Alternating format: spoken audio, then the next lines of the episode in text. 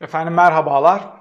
Geçen akşam hepimiz tarihi bir kareye şahitlik ettik. 6 muhalefet lideri bir araya gelerek tek adam rejimine karşı bir ortak akıl rejimi inşa edeceklerinin vaadini hep birlikte verdiler.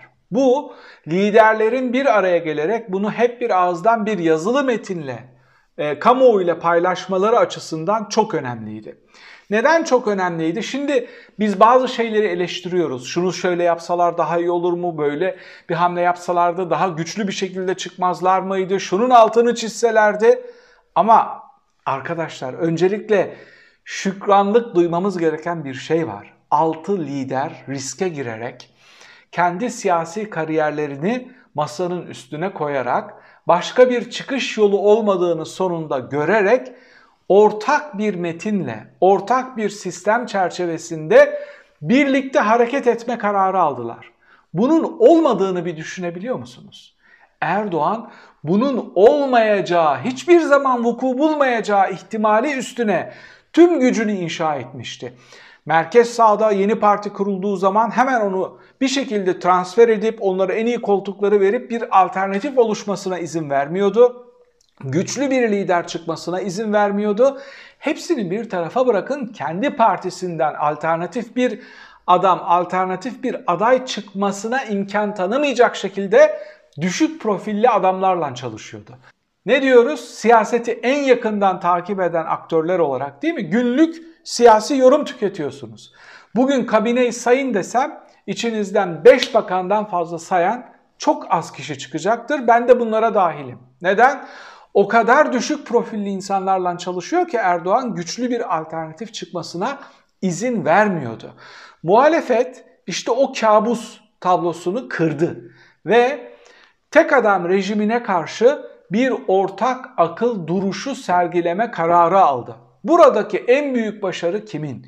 Bu birliktelik kime yazar? Her zaman söylüyorum çok güçlü bir lider değil. Bence hala çok güçlü bir cumhurbaşkanı adayı değil ama dün akşam şahit olduğumuz o tarihi buluşmanın bir numaralı mimarı Kemal Kılıçdaroğlu'dur. Daha İyi Parti ilk kurulduğu günden itibaren onu tutup çekip parlamentoya seçimlere katılmasını sağlayan, bugünlere gelinebilmesi için güçlü hamleler yapan Kılıçdaroğlu'ydu.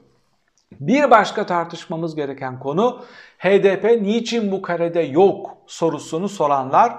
Bu soru sorunun oldukça haksız bir soru ve yersiz bir soru olduğunu düşünüyorum. Türkiye gerçekleriyle çok fazla örtüşmeyen bir soru olduğunu düşünüyorum. HDP'nin siyaset yapma hakkını, Kürtlerin sivil demokratik haklarını sonuna kadar savunan bir siyaset bilimci olarak. Peki tüm bu çerçevede neler yaşandı? Dün kamuoyuyla paylaşılan metinden ne anlamamız gerekiyor ve bundan sonra bizleri neler bekliyor hepsini özetliyorum.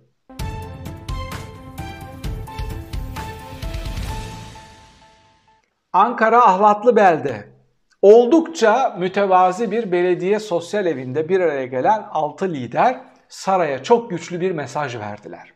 Öncelikle güçlendirilmiş parlamenter sistem üzerinde anlaştıkları güçlendirilmiş parlamenter sistem metnini 28 Şubat'ta açıklayacaklarını söylediler. Yani saraya şunu söylüyorlar. Bakın biz sadece insanlarla helalleşmiyoruz. Tarihle de helalleşiyoruz. Ve senin kimlik siyaseti üstünden, din siyaseti üstünden, ırkçılık üstünden, kutuplaşma üstünden, mağduriyet üstünden siyaset yapmana izin vermeyeceğiz. Tüm ezberlerini bozacağız, seni sahaya çekeceğiz ve seni o sahada yeneceğiz. Dün verdikleri en güçlü mesajlardan biri bence buydu. Güçlendirilmiş parlamenter sistemi 28 Şubat'ta açıklayacaklar ve 28 Şubat'la da adeta helalleşiyorlar. Yani tarih askeri vesayetin baskıcı e, sembolü olarak tarihe geçmiş 28 Şubat'ı adeta aklamaya geliyorlar ve diyorlar ki güçlendirilmiş parlamenter sistemin kamuoyuna tüm detaylarıyla duyurulduğu bir tarih olarak o tarihi size hatırlatacağız. Yani geçmişteki kötü hatıralarınızı da silmeye geliyoruz dercesine bu tarihi seçmişler.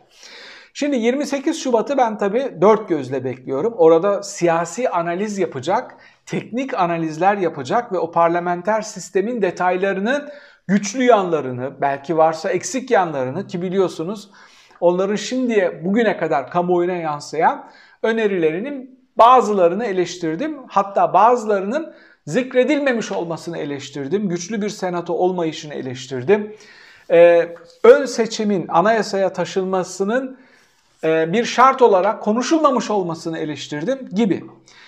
Güçlü yanlarını anlatacağız. 28 Şubat'ta 2 hafta sonra zayıf yanlarını da eleştireceğiz. Peki başka neler çıktı? Çok önemli bir şey daha çıktı zirveden. Burada ısrarla tartıştığımız bir konu. Ne diyorduk? Altı lider birbirine çok fazla benzemiyor. Birçok konuda çatışma içine girebilirler. Birçok konudaki çözüm önerileri farklı olabilir. Dış politikada, Kürt sorununda, evrensel hukuk normlarında ve dedim ki sizin yapabileceğiniz en basit formül şu. Türkiye'de geçmişte 2005, 2006, 2007 yılları arasında Avrupa Birliği'ne kamuoyunun desteği %65 ile %75 arası değişiyordu.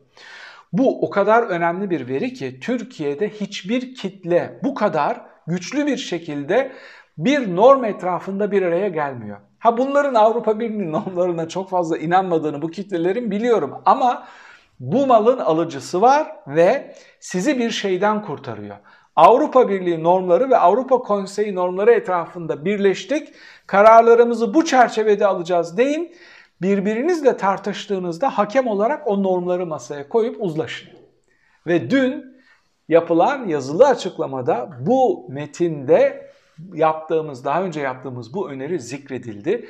6 lider Avrupa Konseyi ve Avrupa Birliği normlarında hareket etme prensip kararı aldıklarını ve bu kriterler çerçevesinde Türkiye'yi şekillendirmeye çalışacaklarını ifade ettiler. O kadar önemli bir şey ki bu. Hem başarının hem başarıya giden en kısa formül hem de küresel merkezlere, güçlü finans piyasalarına, yatırımcılara, işte NATO'ya, Avrupa Birliği'ne, oradaki eski müttefiklere verilen çok güçlü ve Avrupa basınına ve Avrupa'daki akademisyenlere verilen çok güçlü bir mesaj. Şunu dediler o cümleyi geçirerek.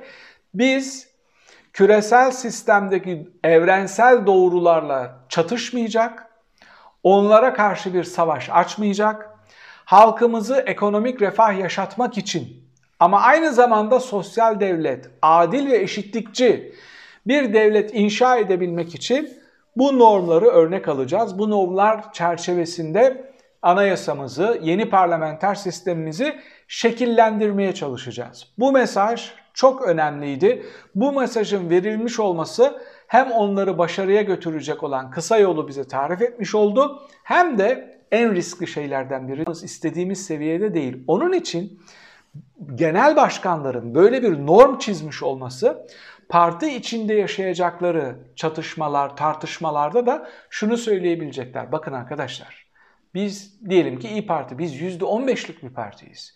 Burası yaklaşık %55'lik bir blok oluştu burada. Yani biz her şeyi oraya dayatıp bizim istediğimiz gibi alamayız. Onun için uzlaşı noktamız burasıdır deyip bu uzlaşıyı riske atmayacak teorik bir felsefe, teorik bir çerçeve çizmiş oldular.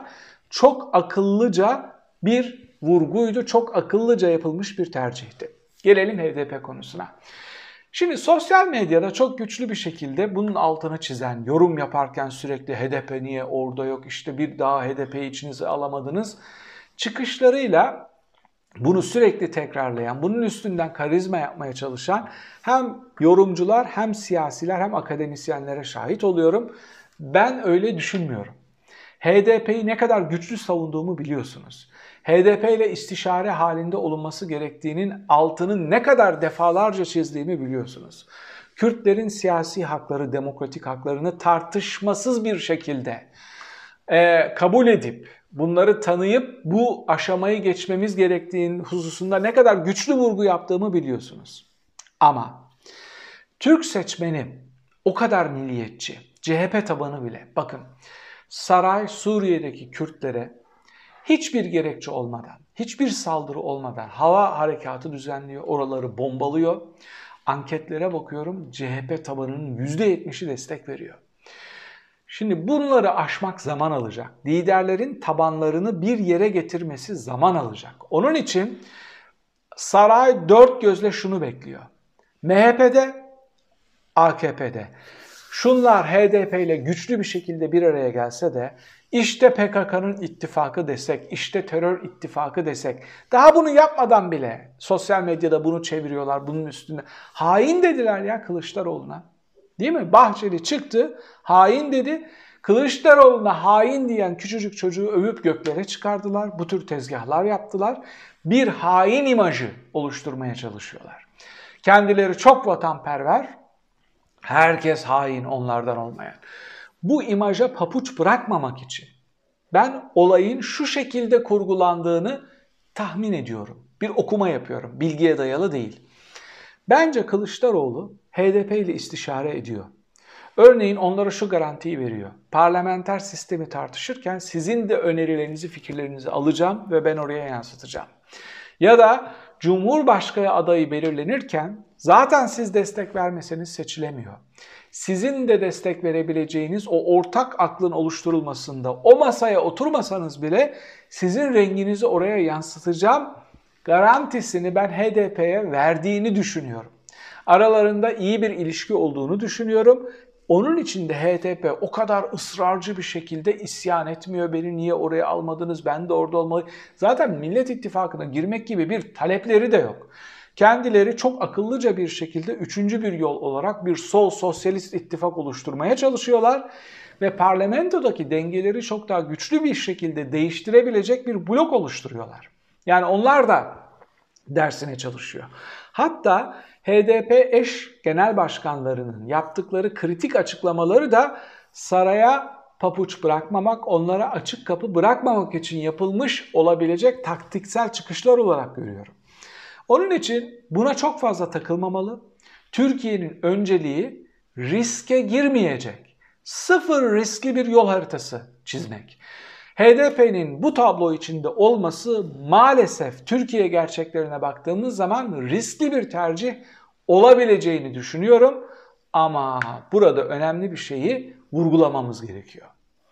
Burada riske girmiyorsanız, HDP'yi oraya almayarak, alarak riske girmiyorsanız, o fotoğrafın içine sokmayarak bir risk hesaplaması yapıyorsanız, Cumhurbaşkanı adayı belirlenirken de riske girmeyeceksiniz.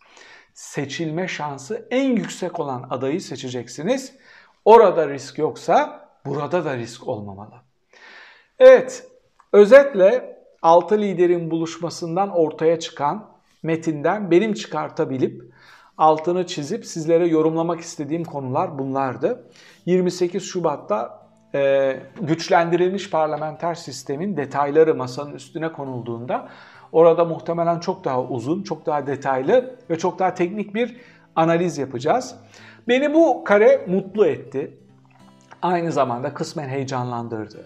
Yani seçmen tek tek bu liderlere baktığında Erdoğan'ın karizması, imajı, güçlü medyası ile mukayese ettiğinde güven sorunu yaşıyor olabilir ama onların altısını bir arada gördüğünde ya bir şeyler oluyor galiba diyeceklerini düşünüyorum. Bu altı liderin bir araya gelmesinin Millet İttifakı'nın toplam kümülatif oy oranına pozitif bir şekilde yansıyacağını ve oy oranlarını artıracağını, kararsızlardan birkaç puanı oraya çekeceğini tahmin ediyorum. Siz ne düşünüyorsunuz? Siz bu metni gördüğünüzde, liderlerin yaptığı açıklama ya da verdiği fotoğrafı gördüğünüzde neler hissettiniz? Metindeki takıldığınız detaylar var mı? Bunları yorum köşesinde tartışabiliriz. Bir sonraki yorumda tekrar birlikte olmak üzere efendim. Hoşçakalın.